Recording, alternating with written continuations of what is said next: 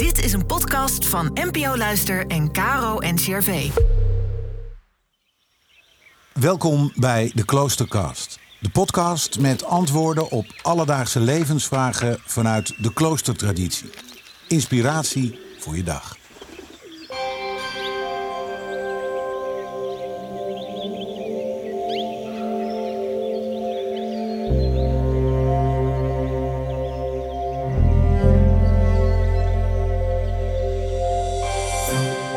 Je vijanden beminnen. Hoe doe je dat? Een antwoord op deze vraag horen we van Michael Dominique Magielsen. Hij is Dominicaan.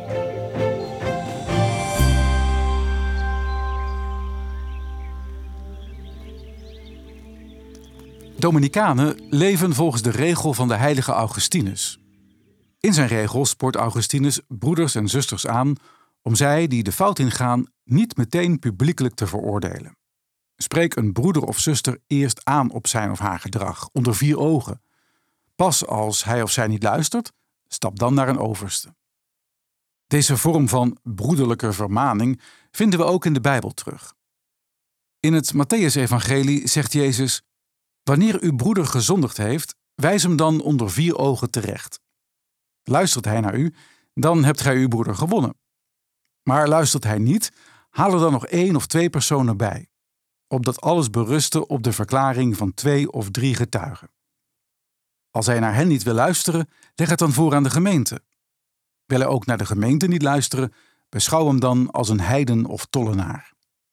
Op het eerste gezicht lijkt Jezus hier vooral een soort procedurele richtsnoer te willen geven, in een aantal stappen. Met als laatste stap: wil hij dan ook niet luisteren, beschouw hem dan als een heide of een tollenaar. Met andere woorden, dan volgt er uitsluiting uit de gemeenschap, excommunicatie. Het is makkelijk om vooral de nadruk te leggen op de laatste stap: dat de gemeenschap de macht heeft om onwillige leden uit te stoten. En daar lijkt ook de nadruk op te liggen in onze huidige cultuur. Mensen die anders denken, die ons naar het leven staan, die de fout ingaan, die worden direct publiekelijk aan de schandpaal genageld. Zeker op sociale media en zelfs in het publieke debat lijken op dat gebied alle grenzen te zijn verdwenen. Mensen schuwen niet om anderen in grove taal te veroordelen en uit te stoten. Mensen worden letterlijk afgeschreven. Ze doen er niet meer toe. We zijn in een afrekencultuur terechtgekomen.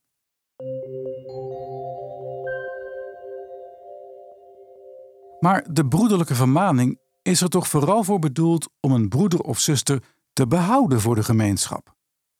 We moeten het niet zien als een veroordeling maar als een daad van naaste liefde. En daar moeten we ons tot het uiterste toe voor inspannen. Bijvoorbeeld door de woorden ter harte te nemen die Jezus ergens anders spreekt in het Evangelie. Heb je vijanden lief en wees goed voor wie je haten.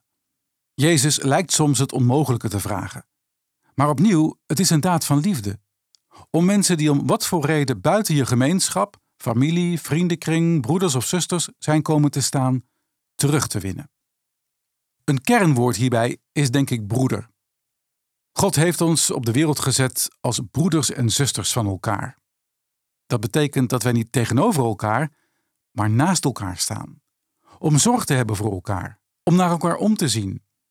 En ik weet dat dit lastig is en dat veel mensen zullen zeggen: maar iedereen is toch verantwoordelijk voor zichzelf en zijn eigen handelen?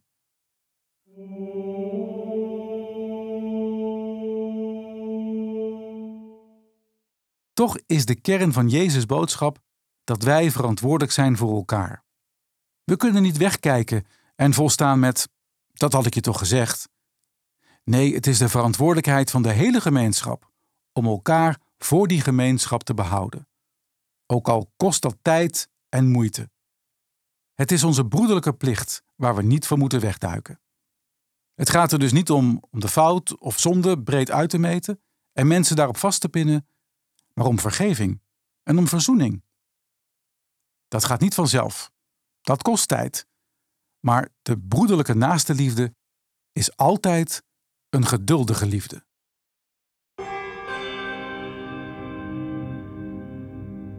Barmhartige Vader, hoor ons als wij tot u bidden.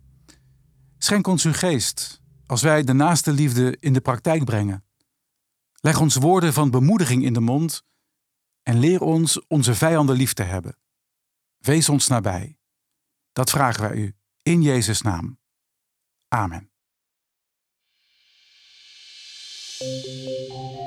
In een nieuwe aflevering geeft zuster Monica Razen antwoord op de vraag: hoe leef je met aandacht voor de ander?